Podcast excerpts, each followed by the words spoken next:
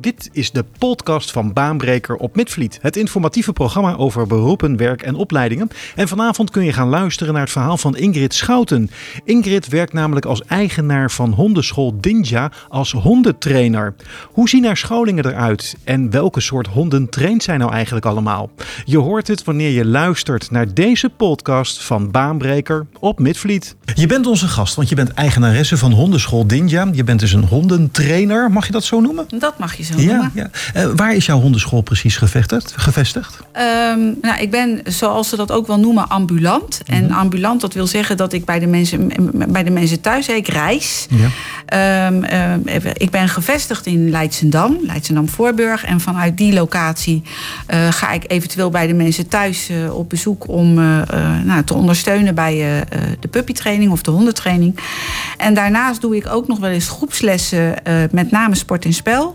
En daar heb ik een supermooie locatie voor op een vast veld op een boerderij in Voorschoten. Ah, Oké, dus, dus daar doe je de groepslessen. Ja. En met name hier in de regio, eh, nou, kom je bij mensen thuis. Ja, Oh, wat, wat, wat, wat leuk. En, en is het dan altijd als er problemen zijn bij, eh, bij honden? Of, of eh, ook gewoon bij de kleine puppies die opgevoed moeten worden? dat, dat, dat wisselt heel sterk. Ehm, ik heb ja, aanvragen van mensen die een pup thuis hebben. Eh, en het gezin wil dan met de pup leren omgaan of wil dingen begrijpen. En dan ga ik bij de mensen thuis. Maar het gebeurt ook wel dat mensen, en dat is momenteel wel heel erg hot, en dat komt ook door corona, eh, dat honden uit het buitenland eh, hier naar Nederland toe komen. En die honden die hebben toch best wel een reality shock, laat ik het zo maar zeggen, Ja. gehad. En dat betekent dat wij mensen soms dat niet altijd begrijpen. En dan is het heel prettig als er iemand bij je thuis kan komen die je dat kan uitleggen, maar die ook nou ja, kan zien hoe de hond in zijn eigen situatie is. En je nou ja, daar tips in kan geven hoe je met bepaalde dingen om kunt gaan. En wat je beter wel en wat je beter niet kunt doen. Ja, precies. Ja, wat, eh, wat mooi. Dus, dus je bent dan eigenlijk ook een, gelijk een adviseur eh, wat betreft eh, het omgaan met een, een jonge het, pup in dit ja, geval. het gaat verder als dat je bijvoorbeeld een, gehoorzaamheid, een traditionele gehoorzaamheidsles op een hondenschool doet. Mhm. Waar, wat, wat ook heel goed kan hoor, daar gaat het niet om. Maar ik heb ervoor gekozen, en dat is een beetje door corona in een sneltreinvaart gegaan, om het wat meer individueel gericht, omdat ik dan echt een, eh, nou ja, iets op maat kan maken. Ja. En dat is wat ik wel heel prettig vind. Ja, groepslessen, maar ook individuele eh, ondersteuning doe je dus eh, bij mensen thuis. Eh, als je nou kijkt naar zo'n zo'n zo'n thuisles, hoe, hoe ziet zo'n les er dan uit? Je komt aan, je doet ding dong, je belt, je hoort waf, waf, waf, waf, waf, waf, de hond hoor je al blaffen. En dan, hoe gaat het Nou, in zijn werk? Sowieso, als ik, eh, voor, voordat ik naar de mensen thuis toe ga, geef ik altijd als tip: schrijf alle vragen die je hebt, schrijf die op. Want als ik kom, dan zijn mensen die heel, de helft van die vragen vergeten en dan ga ik weg en dan zijn ze vergeten die vragen te stellen. Ja. Dus ik zeg altijd: schrijf ze op. En dan kom ik binnen en dan zie ik inderdaad vaak een enthousiaste hond of ik zie een hele bange hond. En over het algemeen genomen is mijn eerste binnenkomst dat ik niet reageer op de hond. Ik zie een hoop, maar ik reageer er niet op. En daardoor gebeuren er soms al dingen die eh, niet gebruikelijk zijn voor de eigenaar. Omdat iedereen altijd gelijk op die hond afschiet. Omdat die hond bepaalde aandacht vraagt. Of, of, of zo zielig gaat zitten dat je het wel wil geven. Terwijl ik dan ja, precies iets totaal eh, iets tegenovergesteld doe. En ehm, dan zie je al andere dingen gebeuren. En dan vertellen de mensen van, nou ja, ik doe dit. Vaak ook dat als bijvoorbeeld een hond eh, reageert op een deurbel, ik noem maar wat. Dan zie ik dat ook eh, ehm, eh, aan de hond als ik binnenkom. Maar wat ik ook zie, is wat de eigenaar doet. En vaak is het veel belangrijker om te zien wat de eigenaar doet. Want dat heeft namelijk veel meer invloed dan wij kunnen bedenken op de hond. Ja. Dus het is eigenlijk heel belangrijk dat je bij, eh, bij de mensen thuis komt, zeg maar. Eigenlijk wel. Als je ook echt probleemsituaties hebt, nou, en dat zegt een gedragstherapeut ook, hè, die wil ook sowieso graag de hond in zijn eigen omgeving zien, omdat je dan die hond vertrouwt, dat is een vertrouwde omgeving. Dat is met ons ook. Als je in een vertrouwde omgeving bent, gedraag je je anders als dat je je in een vreemde omgeving gedraagt. Eh, en dat is met die honden ook zo. Dus daarom is het zo belangrijk als je iets op maat wil geven, advies op maat wil geven, eh, tips op maat wil geven, ja, door dat te kunnen zien en te ervaren.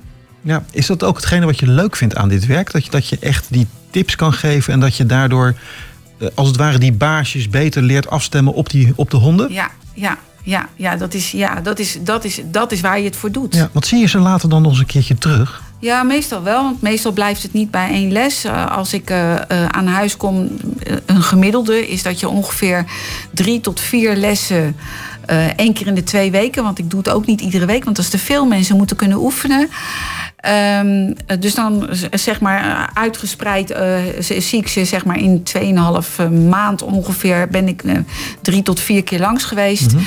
En zie ik heel veel. En sommige mensen doen ook nog wel eens dat ze zeggen, nou dan wil ik over twee maanden nog wel eens een keer een les. En dan, ja, dan, dan, dan zie je de groei van eigenlijk van de combinatie, hè? De, ja. de eigenaar met de hond. Ja, en de, de interactie tussen ja. de, de, de, hond ja. en de eigenaar, die wordt dan anders. Ja. Beter op elkaar afgestemd. ja. ja. Zijn er ook minder leuke kanten aan dit werk? Ja. Kun je er eentje noemen? Um, ja. Uh, het, hetgene wat ik moeilijk vind, en dat maakt het tegelijkertijd ook minder, minder, minder leuk, zeg maar, mm -hmm. is dat ik het soms lastig vind dat mensen wat weinig geduld hebben en begrip hebben voor een hond. Ja. Um, ik zal een korte anekdote geven. Bijvoorbeeld, ze wil, mensen willen heel graag dat een hond leert lopen aan een slappe lijn trekken aan de lijn vindt men vervelend. Ja. Dat is ook vervelend. Um, alleen is dat een van de moeilijkste oefeningen om dat een hond aan te leren.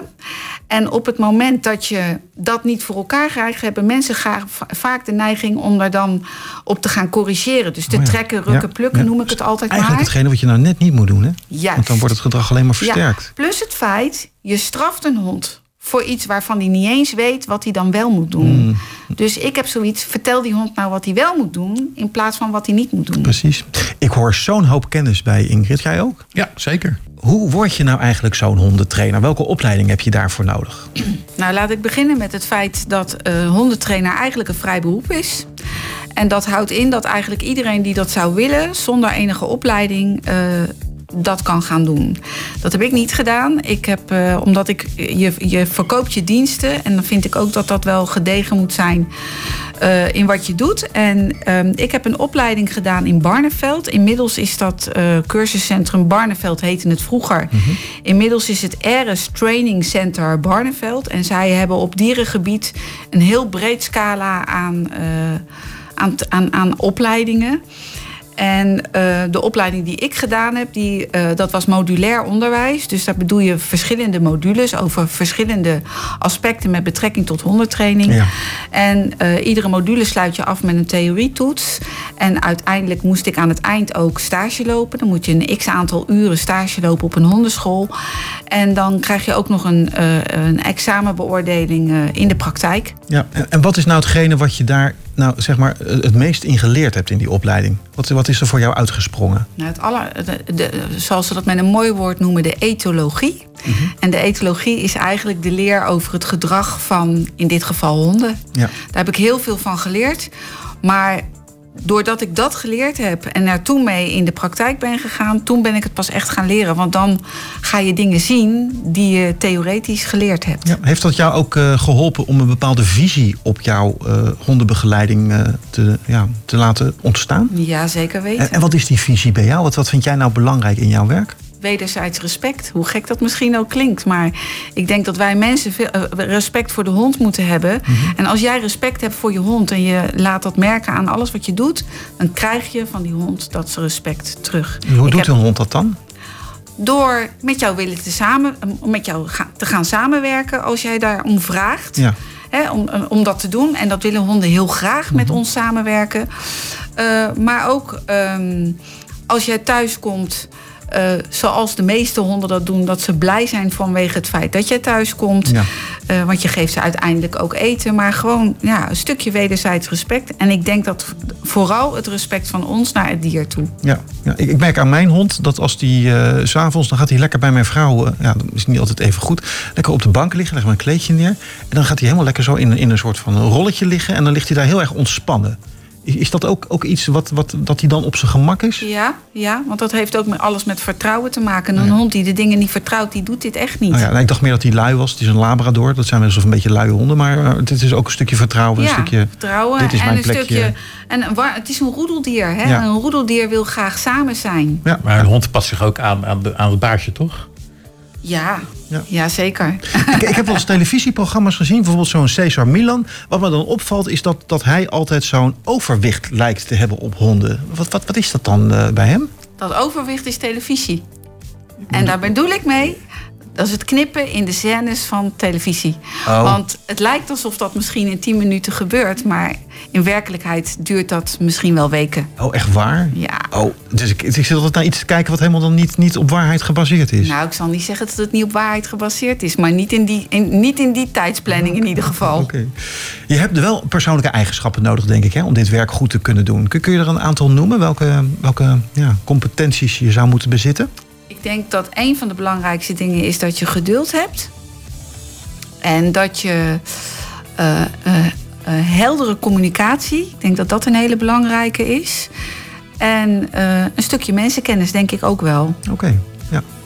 Ja, het klinkt wel apart. hè, Mensenkennis als je het over honden hebt. Maar ja, het is juist de- mensenkennis die die honden ja, moeten gaan leren begrijpen. Als ik de mens niet bereik, gaat die hond niet doen wat de mens wil. Dat is een mooi. Daar gaan we even over nadenken.